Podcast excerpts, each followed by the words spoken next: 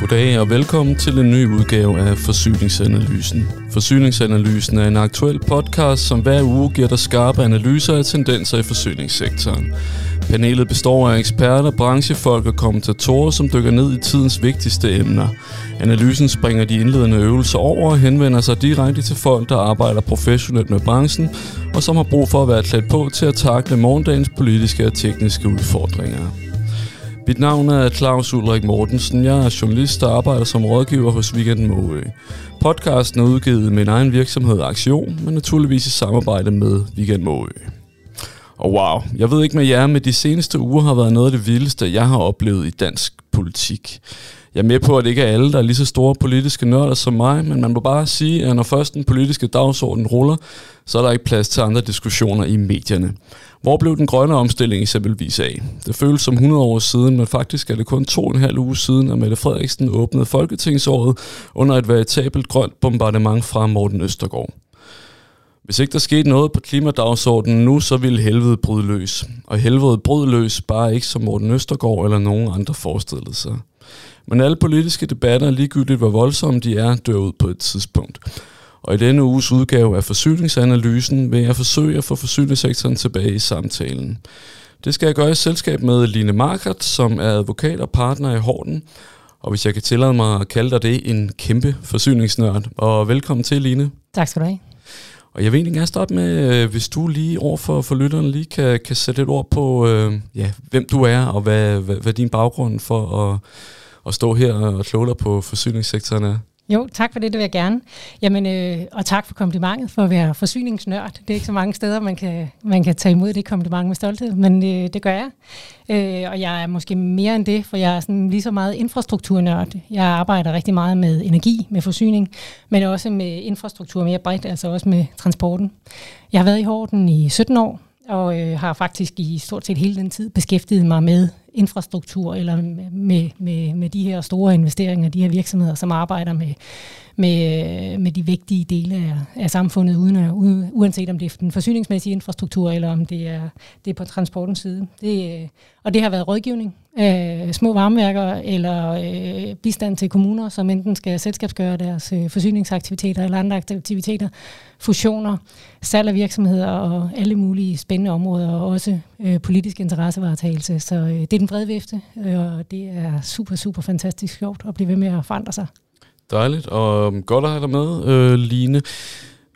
Vi skal tale øh, i dag om regeringens øh, lovprogram, der blev præsenteret 6. oktober, men druknet i sexismeanklagerne. Og så skal vi naturligvis også omkring ugens vigtigste begivenheder.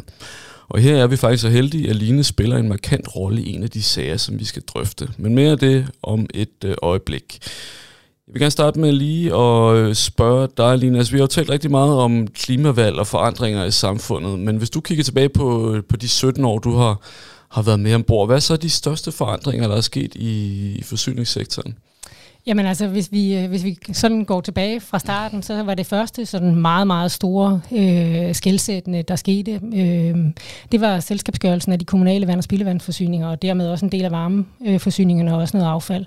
Altså ligesom ud at holde forsyningssektoren ude i armslængde, og med det fulgte en professionalisering, fordi de blev til, øh, til aktieselskaber, og der var noget bevidsthedsgørelse hos virksomhederne, hos de mennesker, der var i virksomhederne og drev virksomhederne, som helt klart påvirkede også i den transition. Så det var en meget, meget stor øh, forandring. Men det kom også øh, økonomisk regulering, som har været en faktor faktisk på tværs af alle energi- og forsyningssektorer. Der er nogen, der har været lidt mere stop and go end andre. Der er nogen, der har talt meget om det og ikke gjort så meget ved det. Men der er også nogen, der, hvor der virkelig er sket rigtig meget med den økonomiske regulering over de sidste 20 år. Mm. Altså, jeg kom, øh, jeg kom selv ombord. Øh, jeg, jeg skiftede fra Frederiksborg Amtsavis til Ingeniøren tilbage i, i 2010 og skulle da starte et, øh, et, et nichenyhedsbrev, som øh, handlede om at egentlig bare fokus på, hvad der foregik i teknik- og miljøforvaltningerne i, i kommunerne. Øhm, og det var jo, altså der var hele denne her udskillings, øh, det forløb var jo sat i gang der. Man har jo, så, og jeg, jeg har nogle gange set et indtryk af, at, at det, der kom før det, altså at det, det kan nogle gange synes godt lyde som om, at det har været en eller anden, en eller anden form for... Øh, for sådan øh, himmerige for, øh, for, altså, ja, for folk i, i, i sektoren, at man nærmest uforstyrret kunne få lov at passe sig selv. Øh, der var, det hele var underlagt hvile i sig selv, der var ikke rigtig noget benchmarking, der var ikke indtægtsrammer, og Ja, altså, men er det, er det korrekt? Altså, hva, altså, er det blevet mærkbart mere øh, besværligt at, at være i denne her sektor, og i, i, i forhold til for, for 17, 17 øh, år siden? Altså jeg tror ligesom alle andre dele af samfundet, så er forsyningssektoren i dag betydeligt mere reguleret, end den var for 17 år siden, eller for, for, for 10 år siden, da vi lavede den her selskabsgørelse.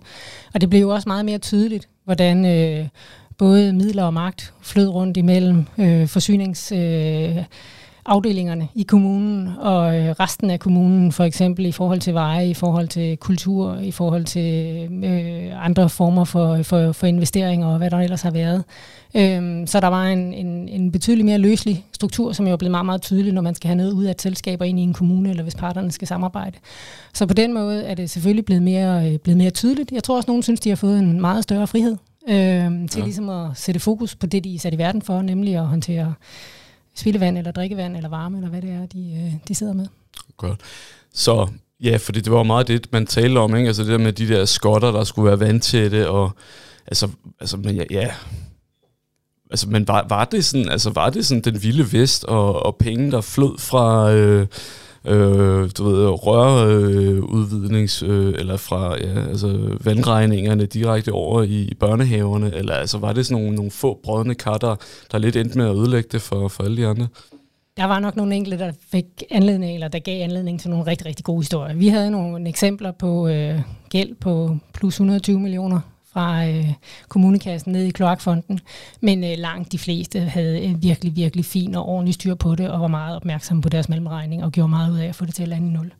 Det sidste, jeg lige synes, vi skal have med faktisk i ja. forhold til den her udvikling, det er noget, der er kommet over de seneste år, som er den her sektorkobling, øh, hvor man jo traditionelt har været meget optaget af det, du også selv sagde med hvile i sig selv-princippet og lukkede kasser og den slags, mm. og hvor vi jo bare også med, med klimadagsordenen og den grønne omstilling har fået øjnene op for, at de her sektorer, de skal hænge helt uløseligt sammen, og vi skal udnytte ressourcerne på tværs.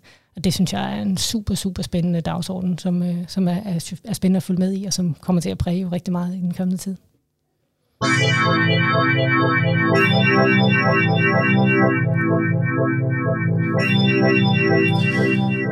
Yes, og øhm, nu skal vi kigge lidt på, hvad der er sket i løbet af den seneste uges tid. Og øhm, jeg tænker, vi skal starte med en... Øh, nu, nu fik jeg sagt, øh, at, at vi faktisk havde, havde en, øh, en, eks, en ekspert også på, på noget af det, der er sket i ugens løb. Øh, og det er jo hele det her spørgsmål omkring øh, salget af Fjernvarme Fyn, hvor, øh, hvor du og, og Horten jo er med som øh, rådgiver, juridisk rådgiver for øh, Odense Kommune. Og øh, ja, den, den sag, den øh, lader jo ja, egentlig til bare ikke at og vil dø. Og bare lige for at skrue tiden lidt tilbage, hvis der er nogen, der, der ikke lige øh, har, har fulgt så meget med, så handler det jo om, at, at Odense Kommune gerne vil sælge øh, fjernvarme øh, Fyn til øh, Energifyn, og man satte en pris på 900 millioner, og der var sådan set enighed om det, øh, indtil at, at nogle partier så begyndte at, at, at mene, at, at det var ikke altså, det var ikke godt nok. Altså, der skulle flere penge på bordet,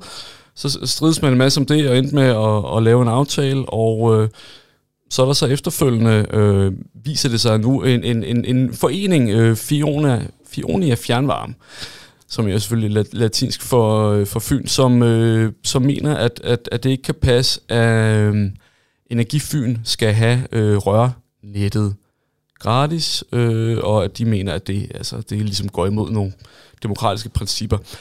Og det ja, det kæmper man så øh, frem og tilbage om. Nu her, Fionia Fjernvarme håber, at de kan få øh, en 10.000 medlemmer. Jeg tror, PT har de, øh, nu står jeg og læser op af, af Dansk Fjernvarmes presseklip. Skal vi finde tallet her? Det kan jeg sgu ikke lige finde. Kan du huske det? Jeg, jeg husker det som om, det var omkring 1300. 1300 var inde og, og støtte op nu her. Ikke? Nå, Øh, Line, hvornår er det, er, er I, hvor, hvor længe har I været med her? Er det, øh, er, er det sådan fra, helt fra, fra begyndelsen, eller, eller hvordan? Ja, altså vi har rådgivet Odense Kommune hele vejen igennem, og har øh, været med fra starten, da der ligesom var blevet truffet en politisk beslutning i øh, byrådet, om at undersøge mulighederne for eventuelt at sælge Fjernvarme Fyn til, øh, til Energifyn. Så øh, der blev var vi så heldige at være dem, der fik lov at få rådgivningsopgaven over for øh, kommunen, og har jo så bistået kommunen med at, øh, at foretage de juridiske undersøgelser, afdækninger og dialogen i, øh, i, den, i den forbindelse. Ja, og det er jo typisk noget, der, der foregår bag, bag linjen. Og så alligevel så jeg, at, øh, at du faktisk var i TV2 Fyn ikke? Øh, sidste uge, tror jeg. Ja. Øh, i forhold til, altså det er ham her, Bent Ole Gram, tror jeg han hedder, som er øh, professor og ekspert i forsyningsret, som mener, at, at det øh, går imod nogle demokratiske principper, den måde det foregår på. Og der siger du, det er du ikke enig i. Men kan du lige sådan prøve at, at lige skitsere, og, og noget med på, at, at vi selvfølgelig kun har, har den ene part ind her, så det er jo ikke fordi, der skal sådan gå en masse trakasserier i det. Det er mere bare, hvis du sådan lige skulle få lov lige at udlægge, altså hvad er ligesom hvad er det, vi juridisk set her diskuterer, og hvad er det, man kan være uenig om her?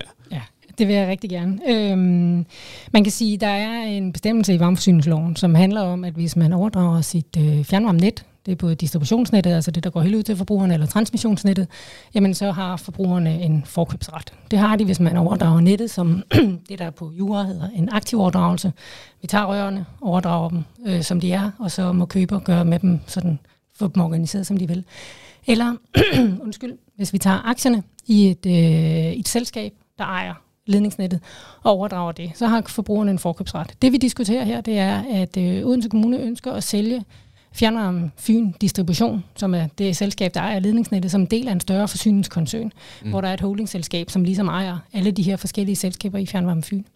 Og der har vi en udtalelse liggende fra Energistyrelsen fra 2003, hvor der var en anden kommune, der stod i samme situation, som spurgte, gælder den her forkøbsret i den situation, hvor vi ikke laver et overdragelse af aktierne i ledningsselskabet, men laver en indirekte overdragelse af aktierne i et selskab, der ejer aktierne i ledningsselskabet. Så det er sådan lidt, det er lidt teknisk, men nu er mm. vi jo for nørder. Ja, ja.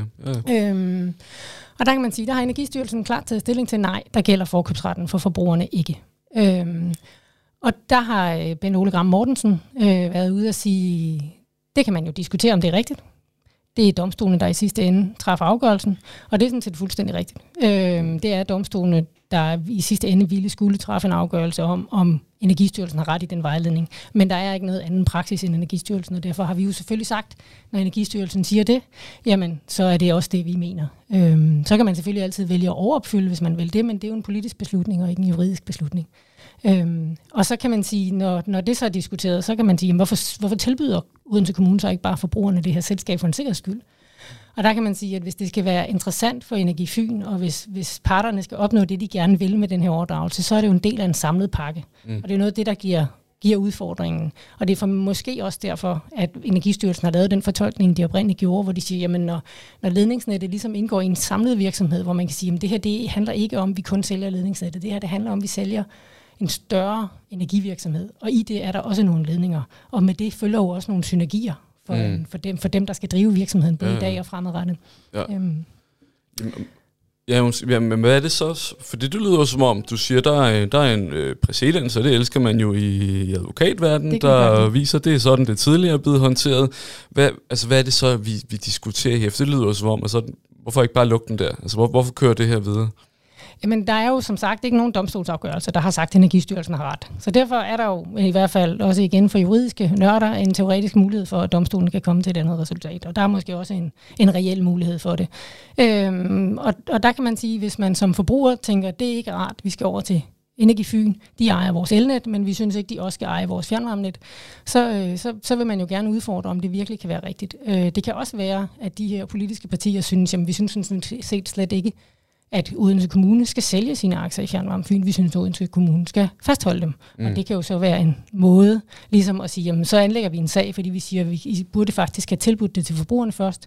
Og hvis ikke kommunen har lyst til det, mm. så må de jo vælge at beholde det, og så opnår man det, man vil den vej hen rundt. Ja, så, og så spørgsmålet er vel så, altså har de her bekymrede borgere noget, altså kan du sige, er der, er der, er der noget, der sådan i fortiden viser, at der skulle kunne være noget at være bekymret for, altså at øh, en øh, el- eller ja, øh, energileverandør også overtager et, et, et fjernvarme net. Altså hvad er det, der skulle kunne gå galt? Er det noget med noget øh, krydssubsidiering? Øh, nogle, eller hvad, hvad, altså bare lige for at forstå, hvad er det sådan, hvad er det, man kan være bange for? Jamen, ja, jeg vil tro, det er bekymringen for, at man, man øh, bruger nettet, bruger varmepriserne til at subsidiere nogle andre øh, områder af ens forretning, som er mere konkurrenceudsat. Der kan man sige, der laver fjernvarme, eller varmeforsyningsloven jo også nogle ret klare rammer og siger, at det må ikke blive dyrere for, varme, for fjernvarmekunderne øh, på grund af overdragelsen. Og der er stadigvæk de her meget firkantede skotter mellem, at der må ikke overføres midler fra varmeforsyning til andre aktiviteter. Øh, så udgangspunktet er stadigvæk et hvile i sig selv princip. Men, men man kan selvfølgelig sige, at frygten må jo være, at den her nye ejer vil være mere øh, lemfældig øh, mm. med lovgivningen end den nuværende ejer. Det er i hvert fald, altså det ville jeg tro, var, var det, der var, øh, var bekymringen. Man kan sige, øh, hvis vi skal tage den konkrete sag, så er Energifyn jo også ejet af forbrugerne. Mm. Øh, så, så et eller andet sted falder det jo lidt tilbage på en selv, at man kan vælge at gå aktivt ind i sit ejerskab øh, og, og, og følge med i, hvad det er, der, øh, hvad det er, der foregår. Ja, og så, og så bare lige her til sidst i forhold til, til den historie, altså fordi det er jo, det er jo lidt, skal sige, det, det kan i hvert fald vise, at, at noget, der egentlig skulle være relativt simpelt, øh, kan gå hen og blive enormt svært og e, e, enormt bøvlet. Altså tænker du, at der sådan, er der, er der i den her sag en eller anden øh, en, en, en lektie, eller noget, som andre kommuner ligesom skal være ops på i forhold til, hvis man vil sælge ud af sin øh, infrastruktur? Altså, kan, kan man sige det allerede nu her? Øh, altså også før, før det egentlig er afsluttet, altså hvad man som øh, kommunalpolitiker måske lige skal være op på, øh, hvis man går med, med nogle tilsvarende tanker, og ikke har lyst til at havne og skulle bruge en masse energi på at, at slås i spalterne med, med vrede øh, forbrugere og, og så videre. Altså nu er jeg lige, lige i den her situation heldigvis ikke øh, kommunalpolitiker, øh, og jeg tænker egentlig, at øh, det her det er en af de øh, sager, som viser, at kommunalpolitik kan være enormt råd og sparet. Øhm, og det kommer meget, meget an på, hvordan, hvordan det politiske klima i øvrigt er, og hvordan opbakningen er til den beslutning, man har truffet. Fordi det er jo et eksempel på, at der ikke har været enighed i byrådet. Øhm, og, og det kan jo være sådan en sag som den her, det kan også være alle mulige andre sager, hvor, hvor den så udvikler sig, fordi dem, der ikke var enige i den flertalsbeslutning, der blev truffet, de vil gøre alt, hvad de kan for at, øh, at modarbejde beslutningen. Og det gælder jo selvfølgelig særligt, når der, når der er tale om større øh, beslutninger. Så der er jo formentlig dels noget, noget kommunikation, og så er der den her mulighed for, kan vi finde en ramme, hvor hovedparten af, af politikerne i byrådet kan, kan, kan se sig ind i det, og det kan jo være rigtig, rigtig svært. Og der må man jo også nogle gange som borgmester tage, den, tage, tage en dyb vindånding, og så træffe den beslutning, man mener er den bedste for sin, øh, for sin kommune. Mm. Godt. Øh, det næste nedslag skal vi ikke bruge lige så lang tid på, men det handler om øh, grønne certifikater eller oprindelsesgarantier, hvor, øh, og det er noget, som øh, politikken har skrevet en del om. De kørte jo, øh, jeg tror det var sidste år, eller så det tidligere på året, øh, en masse artikler, som handler om, øh, om de her klima kvoter, hvor man kan købe, og så bliver der lavet nogle projekter, typisk i, i udlandet, men hvor, hvor det kan være enormt svært ligesom, at dokumentere, hvad, hvad der egentlig kommer ud af det. Nu handler det om oprindelsesgarantierne, hvor, og det handler eksempelvis om, at, at øh, når øh, der bliver opført en ny øh, vindmøllepark, øh, som jo øh, i langt, langt de fleste tilfælde jo er øh, stats... Øh, substitueret, så øh, kan man for hver øh, megawatt, man producerer, har man lov at, at sælge nogle oprindelsesgarantier, som virksomheder, øh, der gerne vil være grønne, så kan få lov at købe. Og der går kritikken på, blandt andet fra Brian Vad Mathisen, der også er tidligere gæst her i forsyningsanalysen, og han mener, at det er øh, altså, øh, ja, pisse papir, skulle jeg sige. Altså, det er ikke noget værd, det gør ikke noget grønnere. Ja, man kan kalde sig grønnere på papiret som virksomhed, men det, det egentlig bare gør, er, at man så formelt set bruger alle dem, der køber de her oprindelsesgarantier, for så lov at bruge den grønne strøm. Øh, der bliver ikke skabt mere grøn strøm, men det eneste, det betyder, er, at det, der er tilbage til forbrugerne, så er den sorte strøm. Så altså, altså kan du sige, anslag 1 er, at det ikke gør nogen reel forskel, og, og det er derfor altså, i bedste fald hyklerisk. Og så så jeg så, og, og, og nu her, vi, vi trækker den ned i forsyningssektoren af, af Kim Mortensen, som er direktør i, i Dansk Fjernvarme, så var ude på bagkant af den her kritik og sige, jamen det gør faktisk, at øh, eksempelvis øh, fjernvarme så ender med at blive sortere, fordi at øh, Dansk Fjernvarme har ikke lov at købe de her garantier. Det vil sige, at øh, så den strøm, man kan lave i som fjernvarmeselskab, når man køber en, en stor varmepumpe og, og sætter op, der, øh, det, bliver, det, det tæller sortere på grund af det her. Og det er så der, han mener, det så ender med at, at skabe nogle, øh, altså nogle, nogle, hvad hedder sådan nogle nogle forkerte forudsætninger, når forbrugerne samtidig kan gå ud og købe, og der bliver jo solgt rigtig mange af de her individuelle varmepumper, ikke? Øhm, nå, og så Ja, så start med at spørge dig, altså, så hele det her, det er jo også, for det, det ender også lynhurtigt med at blive noget, noget juridisk i, i virkeligheden. Er det noget, som, som du sådan, øh, har beskæftiget dig med, eller har haft ind under huden, det er sådan hele den diskussion omkring, du ved, garantier og, og, og så videre? Jeg har, jeg har ikke personligt beskæftiget mig meget med de her garantier, men, men som, som, som du selv siger, i det øjeblik, man begynder at snakke om det her, er det virkelig rigtigt, og er der noget i det og sådan noget, så begynder man jo som jurist at kigge på, jamen er der, er der sprækker, eller kan vi godt argumentere for det? Og der er der en pointe i at sige, jamen de her, de her vindmølleparker, der er statsstøttet, er det, er det i virkeligheden så Øh, altså, hvor meget giver virksomheden i virkeligheden for at få den her strøm? Øh, jeg ved ikke, eller jeg er ikke personligt, det er mere en personlig holdning, 100% enig i, at der slet ikke er nogen effekt. Det kan godt være, at man, mm. skal, man skal kigge på, at det er jo ikke 100% finansieret osv. Øh, så jeg kan godt følge dem lidt. Øh, på den anden side, så tænker jeg, at, at hvis vi kan få sat gang i den efterspørgsel og det krav, at øh, hvis I som produktionsvirksomhed skal levere til, til, til min virksomhed det ene eller det andet, så vil jeg se et grønt certifikat. Altså jo flere der kommer af dem, jo større pres kommer der selvfølgelig også på certifikaterne. Mm. Så forhåbentlig kan det jo være med til at, til at underbygge noget. Og så kan man selvfølgelig sige, hvor, hvor tæt skal det reguleres, sådan at det i virkeligheden er der, hvor det batter, mm. at man har muligheden for at købe certifikatet. Jeg synes, det er mere spændende den anden diskussion, som, ja. øh, som Kim Mortensen han, han skubber til, og den handler jo om, at øh, de her certifikater, de ikke anses, eller omkostningerne til at købe dem, ikke anses for at være en nødvendig omkostning efter varmeforsyningsloven. Derfor kan varmeforsyningerne ikke indregne dem i varmepriserne. Mm. Og det betyder jo, at den strøm, som, øh, som varmeforsyningerne bruger, jamen det bliver jo så formentlig øh, strøm baseret på kul eller, eller naturgas eller andet hentet ned i Europa. Og, og, og det er jo en, en reel udfordring i, i, i og med, at vi et eller andet sted begynder at understøtte også med den lovpakke, der er på vej, at vi elektrificerer vores varmeforsyning og i større grad i det hele taget mange dele af samfundet. Hvis vi stadigvæk kun producerer en meget, meget lille del af, af vores mm. strøm på vedvarende energi.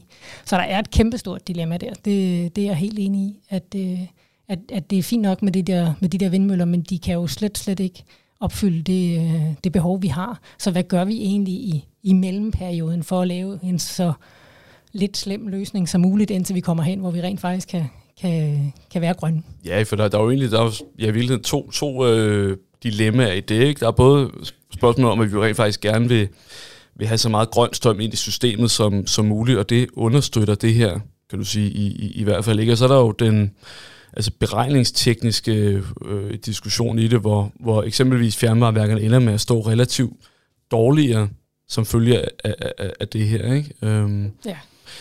Så det sidste nedslag, jeg lige har fundet, det handler om, øh, og det har vi også lidt tidligere drøftet her i forsyningsanalysen, det Altså Hillerød Forsyning øh, fik jo fyret deres affaldsdirektør for, jeg tror noget, måske hvilen tilbage i starten af januar. Det kom frem, at, at flere af cheferne kørte rundt i dyre leasingbiler, Jaguar og Mercedes og så videre. Det, altså det pustede til hele denne her sådan, diskussion, som, som bliver fremsat, og som jo også bare har ligget ulmet lidt det her med, der er en eller anden form for sådan lemfældighed med, med, med midlerne i forsyningssektoren, hvilket et argument, man jo godt kan lide at fremhæve, hvis man så samtidig synes, at markedsmekanismerne er dem, der skal styre det, og alt, hvad der rimer på hvile i sig selv, ligesom er, er djævelens værk. Så. Og nu har Finans så øh, øh, ja, lavet en, en artikel, hvor de går ind og kigger på, på lønningerne i forsyningssektoren, og det, ja, og gennemgår alle, alle altså lønningerne der. Ikke? Øh, ja, der er nogen, der tjener rigtig meget, jeg tror, det er trods alt kun i 10 forsyningsselskaber, at lønnen ligger over halvanden millioner. De fleste ligger dernede under. Jeg ved ikke, hvad, hvad, altså hele den her diskussion altså omkring, at, at det ligesom at der bliver fusket lidt i forsyningssektoren. Det, er sådan, det ligger der, det må du også have stødt på en del gange. Ikke? Altså, hvad, hvad, hvad tænker du om det? Er det, er det, er det noget, der primært findes, fordi man, fordi man er, ikke kan lide øh, den regulering, der, der ligesom bliver arbejdet med, eller er der ligesom noget i det? Altså, hvad er sådan dit indtryk af det? Jamen jeg tror øh, igen, så er, det jo, så er det jo det her med, øh, med hvile i sig selv princippet, og, øh, og hvad, det, hvad er en nødvendig omkostning. Øh, og vi arbejder for fællesskabet, øh, så derfor så kan man ikke tillade sig at øh, betale meget store lønninger. Øh, det er i hvert fald sådan lidt den, den oplevelse, vi har, når, øh, når diskussionen sådan spænder ud i, i, øh, i, i, den mere, i den mere brede dialog. Og så kan man sige, så har man jo fordelen i de her offentligt ejede virksomheder, at øh, der gælder reglerne om magtindsigt, så man kan simpelthen få ret detaljerede mm. oplysninger om, mm. hvad er det egentlig for nogle vilkår, der gælder for de her direktører. Jeg synes egentlig, at den her artikel øh, også frem, altså kommer meget også fint rundt om nogle af de andre argumenter, som nemlig handler om, at de her øh, forsyningsvirksomheder er nogle ret store virksomheder, ja. med nogle ret store balancer og et ret stort ansvar for, at samfundet fungerer. De skal, de skal altså være på og være klar, uanset om der er corona eller forkølelse, eller, ja eller der, er, der er sommerferie. Så, øh, så, så det stiller nogle ret store krav til, til, de, til, de, øh, til de virksomheder og til de mennesker, der er ansat der. Øh, ja, eksempelvis så altså, nummer et på listen er Lars Terkelsen øh, fra, fra Hofor, som så har en samlet lønpark på 3,5 millioner kroner. Øh, men han står så også i spidsen for 1400 medlemmer, øh, undskyld, med, medarbejdere, og øh, HFO har en omsætning på 5,3 milliarder kroner og, og forsyner 600.000 indbyggere i hovedstaden med fjernvarme, fjernvarme og gas. Ikke? Så det er jo en stor forretning, og 3,5 millioner kroner, altså det er jo, det er jo mange penge for, for de fleste, men for altså, øh, topdirektører, der kan gå over ud og tage andre job i det private erhvervsliv, er det jo ikke, ikke noget særligt, vel? Det, nu, nu vil jeg sige, jeg, jeg kan ikke udtale mig om det konkrete lønniveau, fordi der ved, jeg ved jeg simpelthen ikke, hvad en tilsvarende direktør ville få i den private sektor, men jeg, men jeg vil sige, at det er det sammenligning, den sammenligning, jeg synes, man, man, øh, man skal lave, for det er også det ansvar, direktøren sidder med, uanset om det er Lars Terkelsen, eller om det er en af de andre, øh, og også hvis det er en af de direktører, som ikke er nævnt her. Fordi mm. det er jo en direktør, der sidder, så han kan fyres. Øh, bestyrelsen mm. kan fyre hende eller ham, hvis ikke, hvis ikke de gør deres arbejde ordentligt. De har et kæmpestort ansvar, og derfor har man jo også en kæmpestor mulighed eller risiko for at fejle. Øhm, og så er det jo typisk den, der står øverst, øh, der ryger først. Og, og det synes jeg egentlig er fair nok, at man ligesom i, den private virke, i de private virksomheder skal stå til ansvar for. Jeg synes ikke, igen, det er en personlig synsning, så det er der ikke noget videnskabeligt eller juridisk belæg for, men, men jeg synes at det er en fair holdning, som man for eksempel også har i statens ejerpolitik, at vores ledelse skal være ordentligt lønnet, men de skal ikke ligge i toppen. Øh, det synes jeg også er fint nok, fordi det er fællesskabets penge.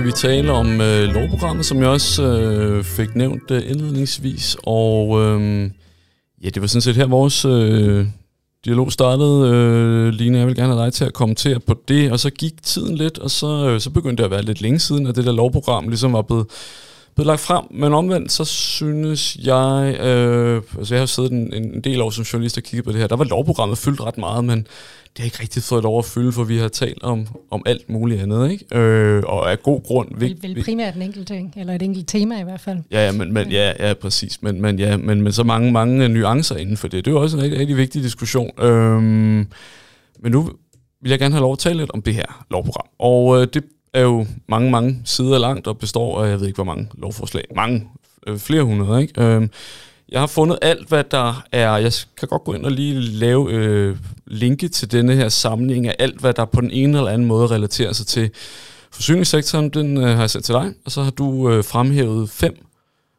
lovforslag, som du synes var særlig interessante at tale om. Og det er jo så dem, som vi taler om nu her også, fordi det andet vil være fuldstændig uoverskueligt. Øhm, og jeg tænker egentlig bare, at, at, at det er jeg ja, egentlig bare lad dig præsentere dem øh, en af gangen, og så, øh, og så fortæl mig, hvorfor du synes, at lige præcis det her er rigtig interessant. Ikke? Og, det, og det første punkt, det er, jeg ved ikke, om vi skal kalde dem deres deres navn. Det første lovforslag, du har, har, har udpeget, er det, der hedder ændring af lov om betalingsregler for spildevandsforsyningsselskaber med videre, øh, vandsektorlov, lov om miljøbeskyttelse osv. Så, så det er så langt. Jeg synes egentlig, vi skal tage den i parentesen, der hedder spildevandsforsyningsselskabers klimastilpasning med videre. Fordi ja. det er det, det handler om. Øhm, det er lovforslag, som jeg synes er et rigtig, rigtig godt initiativ. Det er også noget af det, som øh, der, hvor jeg har fået lov at være lidt... Øh, øh, hvad hedder det, sådan noget, interessevaretager, øh, i stedet for at være jurist, men selvfølgelig med den juridiske baggrund, vi har. Det er jo det, der er vores indspil i den diskussion. Men i dag er det sådan, at øh, spildevandsselskaberne, når de skal lave klimatilpasning, øh, så er der øh, fire forskellige øh, lovregimer, øh, som de skal øh, jonglere med, afhængig af, hvordan de vil gøre det, hvem de vil gøre det med, og hvor de vil gøre det. Mm. Øh, og det er ikke særlig nemt. Øh, og det betyder også, at øh, man på et tidspunkt når dertil, hvor man jo fuldstændig i øh, forlængelse af de fordomme, vi har talt om tidligere, siger, jamen så gør vi det så lovligt som muligt. Mm. Vi gør det det bedste, vi kan. Vi gør det så billigt, vi kan. Vi gør det så effektivt for forbrugerne og for samfundet, vi kan. Men vi kan simpelthen ikke bruge tid på at overholde reglen line. Så skulle vi sende en eksorbitant regning til dig, og det er der altså ikke nogen, der får klimatilpasning ud af. Øhm, Så, så den her, den prøver sådan ligesom at, øh, at samle reglerne og sige, når man vil lave klimatilpasning, så skal man lave en analyse af, hvordan gør vi det samfundsøkonomisk mest hensigtsmæssigt. Mm. Så dels lægger vi et loft over, hvor meget kan vi klimasikre. Øhm, mm. men, man lægger, men man åbner på den anden side op for, at vi kan gøre det på den måde, det er mest hensigtsmæssigt, og med de samarbejdspartnere, vi gerne vil. Og så kan civilvandselskaberne få lov til at være med til at finansiere. Der er mange spændende juridiske vinkler, og også juridiske overgangsregler i det, som jeg kunne snakke længere om, men, men det er jo ikke det, vi skal gøre her. Men, men øh, jeg synes, det er et rigtig godt initiativ. Og hvad, hvad er ligesom den, den største ændring i, i det her? Ikke? Fordi meget af det, der har været diskuteret, det der med, med, med taksfinansiering eller ej, ikke? Øh, og så, altså, der var en periode på et par år, hvor man fik lov at finansiere det udelukkende på, på vandtaksterne. Så blev der sat en masse ting i gang, fordi så skulle det ikke ligge og slås med, med de her mere såkaldt mere sexede områder, som ældrepleje, børnehave osv. Ikke? i kommunerne. Og så blev den her kommunale medfinansiering, jeg tror på 25 procent, genindført, og så har der været en, en frygtelig masse øh, palaver omkring det efterfølgende. Hvor, hvor er vi egentlig henne nu her? Med, at, at, bliver der stadig lagt op til, at der skal være den her medfinansiering, eller, eller bliver den pillet ud, eller øh, er det ligesom en del af det? Jamen, der bliver lagt op til, at det, der handler om håndtering af tagoverfladevand, som er klimaregnen, øh, den, øh, i det omfang, det er til et savligt serviceniveau. Der snakker ja. vi jo om, at en 20-års hændelse, eller en 100-års hændelse, eller hvor meget regnvand er forsyningen egentlig forpligtet til at sørge for at håndtere. Og der er nogle kommuner, der har sagt, at vi vil have sikkerhed til en 100-års hændelse i hele kommunen. Mm. Det kan være mere eller mindre savligt, måske særligt ude på øh, Bundemann Poulsens mark. Øh, men, men, øh, og, og det har man ligesom sagt, I er simpelthen nødt til at gå ind og lave en samfundsøkonomisk analyse af, hvad er det savlige niveau? Hvor er det, vi ikke længere kan forsvare på grund af de øh, investeringer eller aktiver, vi beskytter, øh, og lave et, et serviceniveau til. Så der har man ligesom der sagt, op til det savlige økonomiske serviceniveau, der kan forsyningerne være med, hvis der ligger en spildevandsplan og en dokumentation for det. Øhm, hvis vi er over det, jamen, så kan kommunerne sådan set godt, hvis de har hjemmel, øhm, lave en øget investering som en del af det projekt, men så skal de selvfølgelig selv betale. Det samme mm. med private, hvis der er nogle virksomheder, der siger, vi vil sådan set godt stille noget plads til rådighed, og så kunne vi godt tænke os et højere niveau for os selv. Jamen det kan vi sagtens gøre i fællesskab, men så må I selv betale. Og, og, og er folk så tilfredse med det, eller, eller hvor, hvor den så landede? Altså? Jamen, der er en hel masse spørgsmål i forhold til overgangsregler, og de projekter, der er i gang, og hvad betyder det, hvis vi laver ændringer og den slags. Så, så ligesom al anden lovgivning, når man laver noget om, så er der en hel masse, som risikerer at blive klemt, og der er selvfølgelig noget bekymring for. Men overordnet set, synes jeg egentlig, det er en fornuftig løsning, og det er okay. også det, jeg hører. Okay. Godt, så lad os springe til den næste. Nu, øh, nu vil jeg så ikke læse alt det, der står i, i for det er frygtelig langt. Det handler om øh, gennemførelse af dele af direktiv om fremme af anvendelse af energi fra vedvarende energikilder. Øhm, godt grund til, at, at jeg også fremhævede den. Man kan sige, at der er flere af de her lovforslag, eller rigtig mange af lovforslagene i, øh, i lovprogrammet i år, der udspringer af de her aftaler, der blev indgået lige før sommerferien. Mm. Blandt andet klimaplanen omkring affaldssektoren, men også energi og industri, og omstillingen af, af varmen til, til, til mere elbaseret. Øhm, og så er der det her med, øh, med biomassen, diskussionen om, om øh, biomasse, særligt træbiomasse, i virkeligheden er så bæredygtigt, øh, mm. som vi går rundt og synes, det er. Dels fordi vi nogle gange transporterer langt, men måske også nogle gange fordi, at den træproduktion, der finder sted for at kunne levere træbiomasse til Danmark, ikke altid er så bæredygtig, som, øh, som vi gerne ville sige. Så det er noget med at prøve på at finde ud af, hvordan kan vi ligesom få øh, styret det og få fundet en måde at dokumentere på, at det her det faktisk foregår på en ordentlig måde, og så ordentligt som muligt i hvert fald, så længe vi er nødt til at bruge træbiomassen. Og der, blev, der er jo lige blevet lavet en politisk aftale om, omkring det her, så, så det her er i virkeligheden bare udmødning af en politisk aftale. Ja, det er sådan, jeg ser det. Ja, ikke? og i den politiske aftale, den kan jeg ikke lige på fingerspidsen. Jeg husker, at, at det man nåede frem til var en enighed om nogle strammere kriterier. Det vil sige, at man jo kom jo slet ikke derhen, hvor eksempelvis øh, radikale øh, meget gerne ville hen, nemlig øh, at, at vi slet ikke, altså, vi sådan skulle holde op med at brænde. Det er der jo flere, der har argumenteret for, at vi skal, vi skal af med det her biomasse. Altså, der kommer stadig til at være masser af biomasse i, i det danske er det, er det korrekt forstået? Altså, vi, der er ikke, der, vi ikke, går ikke ind altså, der er ikke noget forbud. og sætter et, et loft over, hvor meget biomasse vi nej, må... Nej, der er ikke noget forbud. Der er, en, øh, der er nogle krav om certificering, og der er nogle krav om dokumentation for, hvor det kommer fra. Man kan også sige, det vil være, hvis vi skal vende tilbage til samfundsøkonomien i den her sammenhæng også, det vil være samfundsøkonomisk... Øh, ret voldsomt, hvis man lukkede nogle af anlæggene, samtidig med nærmest, at man, man lavede den her aftale om biomasse. Der åbnede man jo nærmest øh, værket ude på Amager, som, øh, mm. som er en kæmpe, kæmpe investering. Jeg kan lige nu ikke huske tallet. Jeg tror, det er 4 milliarder eller sådan noget, man har investeret i et biomasseanlæg, ja. træbiomasseanlæg på Amager, ja. for at forsyne en del i hvert fald af Københavns øh, borgere med, med varme. Mm. Øhm, og det vil jo være helt sindssygt, hvis man, ja. øh, hvis man bare skulle lukke det, eller bruge rigtig mange milliarder på at omstille det mm. i morgen. Mm. Øhm, så der skal, finde, der skal selvfølgelig findes en anden overgangsordning. Ja, så, så, så på, under ingen omstændigheder vil den her diskussion være lukket med, med det lovforslag, det kan, tror vi, jeg kan vi sige. Nå, den næste, den er dejlig kort, den hedder ændring af lov om fremme af vedvarende energi, og så parentes energiøerne. Og øh, dem har du, det har du fremhævet af, af hvilken årsag? Jamen det er jo også et super spændende projekt, og det er jo også en del af de her aftaler, der var i, øh, der, der, øh, der blev indgået i lige før sommerferien. Og det er jo der, hvor, hvor man kan sige, at, at regeringen og, og de partier, som er med i aftalerne, jo skubber på den grønne dagsorden og omstillingen, og også det her med at få fundet øh, grundlaget for den grønne strøm i Danmark. Så, øh, så det synes jeg bliver spændende at se, hvordan de, øh, de ruller den ud. Der har de jo ligesom for alvor taget fat i, at det her det vil vi, og det rykker vi på. Hvor vi nogle gange, når vi har de her store, spændende energiaftaler, så er der lidt mere indkøringsfase. Der er det fedt at se igen, som jeg sagde før, på et mere overordnet, øh, hvis man kigger på lovprogrammet mere overordnet, altså der er taget, der er taget fat i det øh, mm. med det samme. Og det, det er jo så også det, som, som, øh, som det her det gælder. Og det er det egentlig også for de næste øh, to lovforslag, jeg har fremhævet. Det er dels det her med at at ændre varmeforsyningslovens regler, så det bliver nemmere at udnytte overskudsvarme. Ja. Øhm, der har vi nogle udfordringer i, øh, i dag med afgiftsregler og i det hele taget med strukturerne og, og værdiansættelsen af de her projekter, og også nogle gange de øvrige regler, projektreglerne i, øh, i varmeforsyningsloven omkring mm. blokvarmecentraler mm. osv., som, som gør det svært at, øhm, at bruge dem.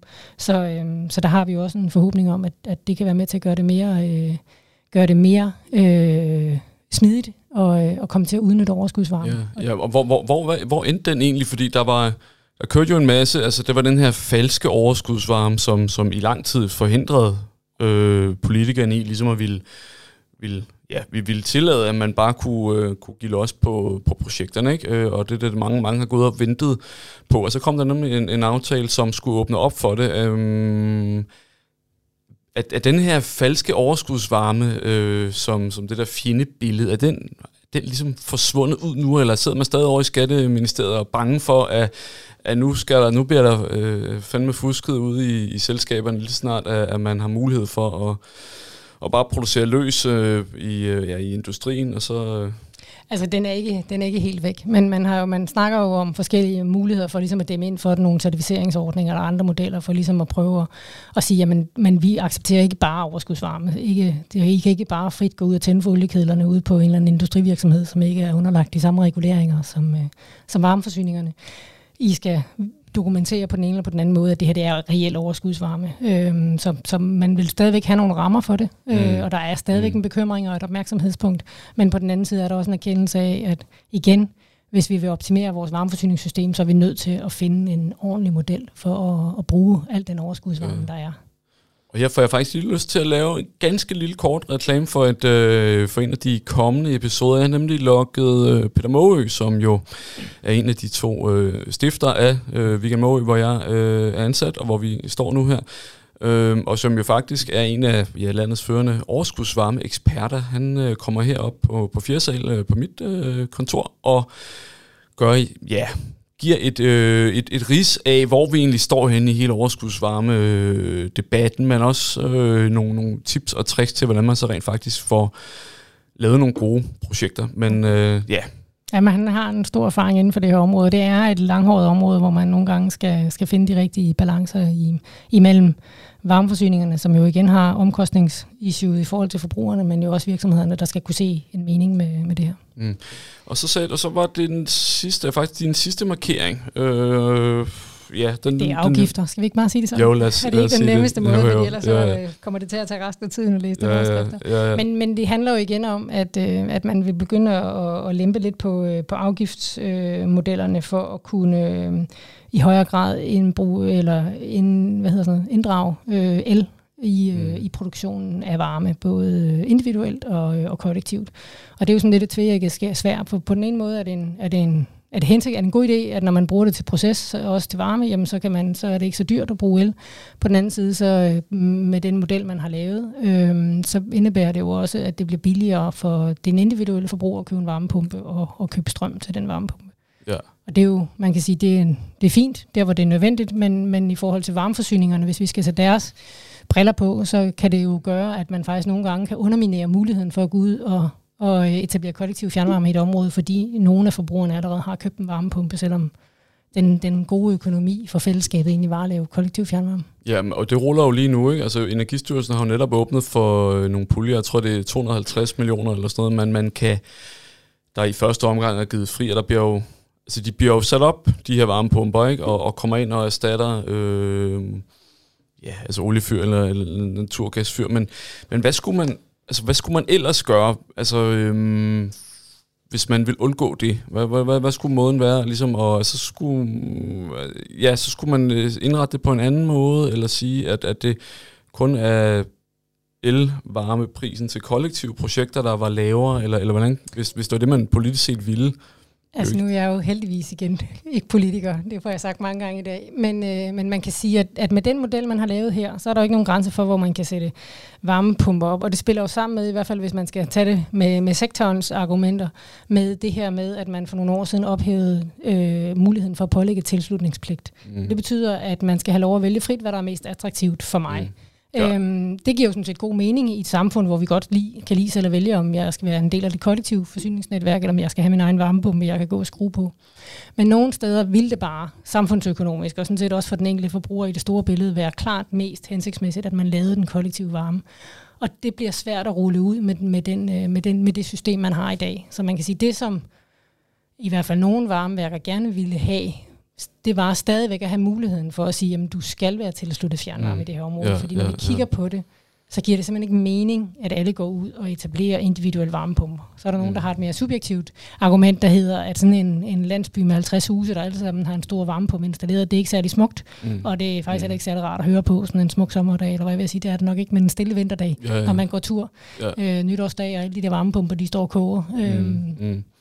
Men der har man jo i hvert fald politisk valgt at sige, at der, vi vil ikke bruge tvang længere. Det skal, det skal være den bedste øh, løsning øh, økonomisk set, der, der vinder. Øh, og så må de lave projekterne gode nok. Så der, der er vel intet, der sådan tyder på, at man skulle gå tilbage og, og, og give øh, selskaberne større øh, muligheder for at, at gå ind og, Ja, Nej, det har, jeg, det har jeg svært ved at se. Men man kan sige, det de så selv har gjort, det, det, har jeg, det synes jeg egentlig er et super godt initiativ.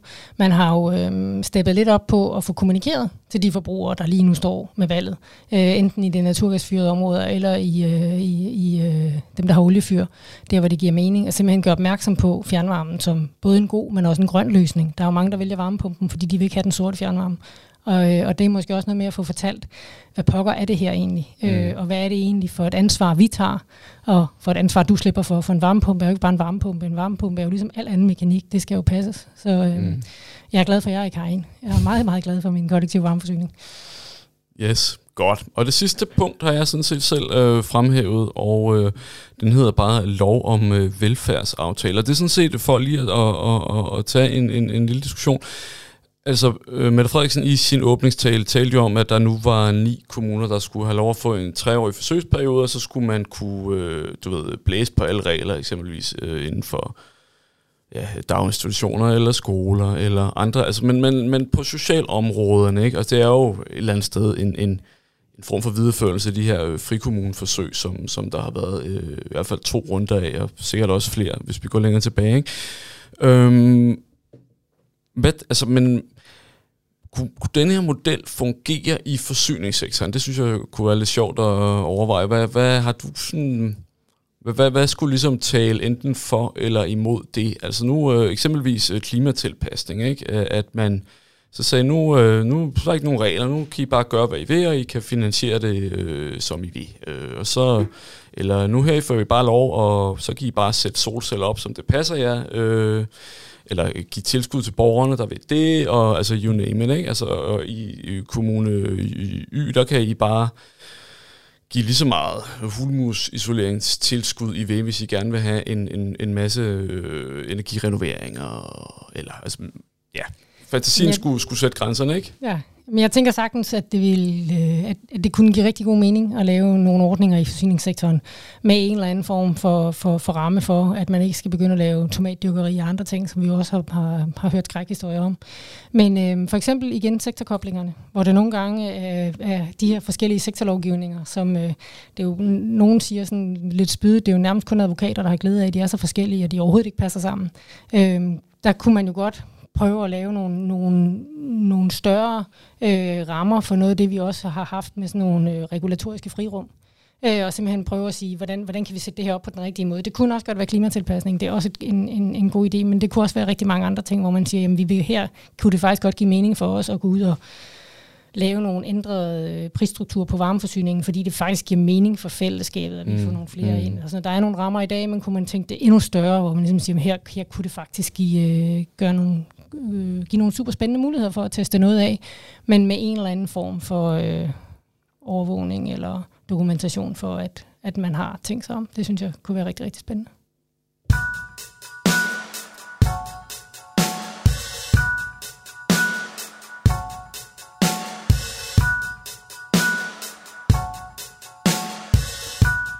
Yes, og øh, Line, nu er vi nået til den del af programmet her til sidst, som, øh, som du ikke rigtig er forberedt på, og det er sådan set øh, helt med vilje. Jeg har øh, nogle øh, påstande, som jeg godt tænker mig at, at læse op for dig, og så skal du øh, svare ja eller nej til det, og så kan vi øh, efterfølgende lige øh, uddybe dem. Så du får lige noget baggrundsmusik her, og så... Øh, vil jeg starte med at sige. Øh, påstand 1. Du frygter, at den grønne omstilling lider under, at de radikale som klimaets primære forkæmper er degenereret i interne slagsmål. Nej. Og påstand 2. Det er kun et spørgsmål om tid, før medierne får øje på MeToo-skandalerne i forsyningssektoren. Ja. Og den tredje. Politikerne har omgået god lovskik i aftalen om udfasning af kommunale affaldsforbrændingsanlæg, og det kommer KL til at betale for.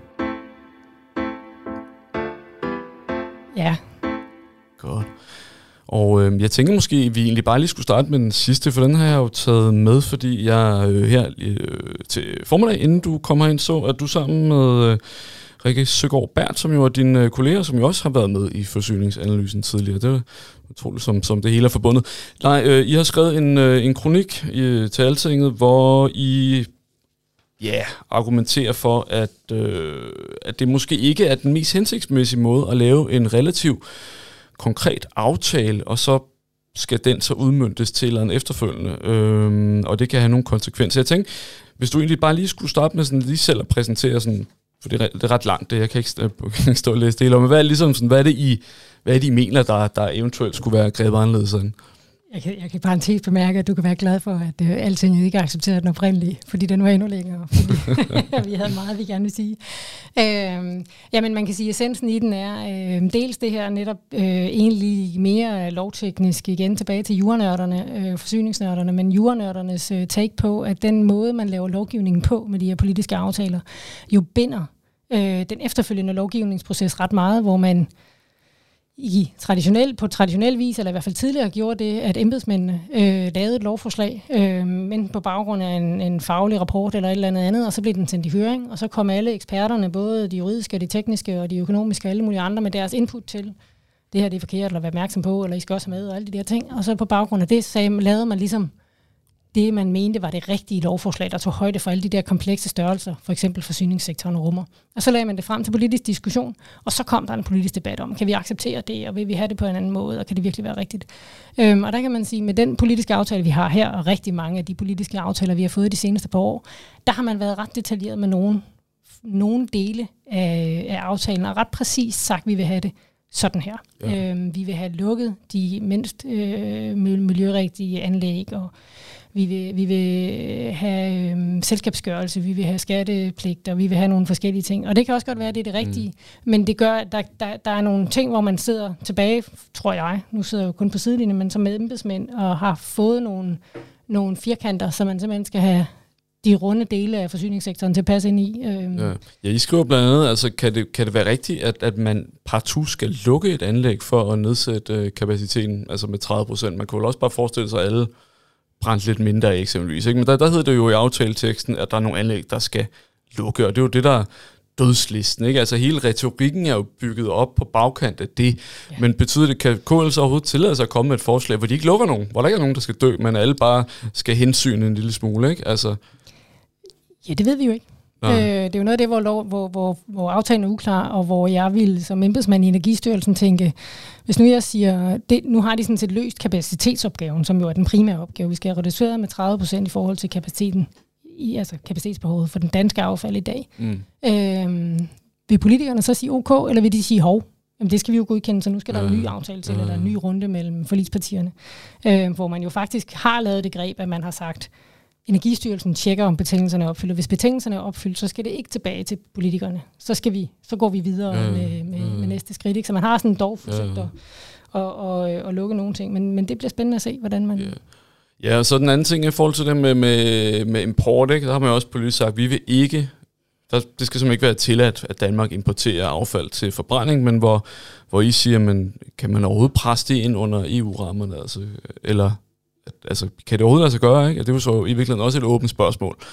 Altså, men hvor, men, ja, men hvor så bliver der ligesom lagt nogle lidt for snævre rammer ned. Og så øh, kunne jeg også godt tænke mig lige at drøfte øh, påstand nummer to, ikke? Øh, hvor jeg, jeg spørger dig om det, om der også kommer til at rulle en masse MeToo-sager i forsyningssektoren. Og det, ja, nu har du været i sektoren i noget tid, og godt, at du er advokat, og som sådan jo ikke sidder ude på et fjernvarmeværk og har været til julefrokoster i hvad ved jeg, vandsektoren, det er også ligegyldigt. Men altså, er der noget, du tænker, sådan, der i, i, i sådan, dit indtryk skulle tale for, at der skulle, at der skulle være nogle særlige ting, der gjorde sig gældende her, eller er det sådan set de samme mekanismer, som der er i samfundet generelt, nemlig at der er flere mænd end kvinder, der har... Der er jo rigtig mange mænd i forsyningssektoren, skal det må man sige. sige ja. ja. Men hvad, hvad, hvad, hvad, hvad, hvad tænker du? Altså, de mænd, der er i forsyningssektoren, er jo øh, lige så meget mennesker som, øh, som, som alle andre. De kvinder, der er i forsyningssektoren, er lige så meget kvinder som alle andre. Så der er formentlig alle de drifter, som er så i resten af samfundet. Så jeg vil sige, det ville næsten overraske mig, hvis mm. der ikke var nogen, der nogle gange havde danset lidt for tæt til en julefrokost. Øh, jeg oplever ikke, der er en særlig ubehagelig kultur, tværtimod. Vi kommer jo også på de her årsmøder og store konferencer og sådan noget, som, som alle brancheforeningerne holder. Ja, øhm, ja. Og der er sjovt og festligt at være med om aftenen heldigvis. Øh, det er jo noget af det, der også er, årsagen til, at folk kommer. Mm. Øh, der er sikkert nogen, der går for langt, øh, det, men jeg har aldrig oplevet det. Øh, okay. Så jeg synes ikke, at der er en kultur for det, som, som vi jo har hørt om, at, øh, at, at der er andre steder. Men det er en mandsdomineret verden, og der er der også nogle gange, der bliver sagt nogle ting, hvor man sådan tænker, okay, øh, jeg prøver bare at, at se ud, som om jeg ikke er kvinde eller, eller ja, ja. et eller andet, men altså, jeg tror, det kommer, men, men jeg håber ikke, at det kommer i det omfang, vi har set andre steder. Så, men, så, over, så vil det overraske mig. Men hvordan tror du så, fordi altså, altså, det er jo ikke lige så interessant, hvad der foregår i et forsyningsselskab, som det er, hvad der foregår på Christiansborg, kan du sige, som udgangspunkt. Lige med, at, at kendskabsgraden er jo langt mindre. Men tror du, man kunne risikere nogle af de andre ting, som, altså nu, nu taler vi om, om lønninger tidligere, ikke? at øhm, der er en eller anden fortælling om, at de her selskaber, du ved, lidt går den, så går den. Eller der er ligesom et eller andet, ikke? Hvis, hvis man ikke så godt kan lide den her øh, hvile i sig selv økonomi. Altså tror du, at, at den, sådan, den rammefortælling, der er om forsyningssektoren, ligesom vil trække enten en positiv retning, i og med, at, at det bare sådan for langt de fleste er relativt uinteressant eller negativt, fordi at, at der er nogen, der ligesom i forvejen lidt har en horn i siden på, på den økonomiske sådan, regulering? Det er et rigtig, rigtig godt spørgsmål. Er det ikke det, man siger? øhm, jeg tror, at øh, det kan være en fordel for forsyningssektoren, at de normalt er, øh, eller vi normalt er øh, den, den type sektor, som folk, som hovedparten af den danske befolkning faktisk overhovedet ikke interesserer sig for. Så længe det bare mm. virker øh, derhjemme med mig, ja. eller der, hvor jeg er, så er jeg sådan set ikke super interesseret. Øhm, men selvfølgelig kan nogen øh, skabe en historie, hvis der er noget, der i øvrigt er fremme. For eksempel en af de her øh, øh, højt lønnede, eller en, en i virksomheden, der er højt lønnet, der er en, der bliver holdt hånden under, eller et eller andet. Men men det er bare ikke en sektor, som, hvor man sådan har meget fokus på, hvad foregår der egentlig i den der XB-forsyning, mm. øh, og, og hvad er de egentlig for nogle ballademager. Hvis der er nogle grove tilfælde, så, vil enkelt, så kan enkelt situationer blive fremhævet som, som en god historie. Men, øh, men jeg vil ikke tro, det er en af de, altså som du selv siger, det er ikke øh, de der enkelt virksomheder i forsyningssektoren, er, øh, er nok generelt i den her sammenhæng til i hvert fald har det privilegie, at de lever et stille og godt liv. Ja, ja. Og øh, ja, det var de sidste ord fra forsyningsanalysen i øh, denne her uge. Øh, tak for øh, Line Markert for at tage sig tid til at gøre os klogere på det øh, blogprogrammet og øh, nogle af de aktuelle sager. Og øh, ikke mindst tak til dig for at lytte med. Og hvis du vil være sikker på ikke at gå glip af næste uges episode, kan du finde forsyningsanalysen der, hvor du normalt lytter til din podcast. Så lander den automatisk på din telefon, tablet eller computer. Vi lyttes ved.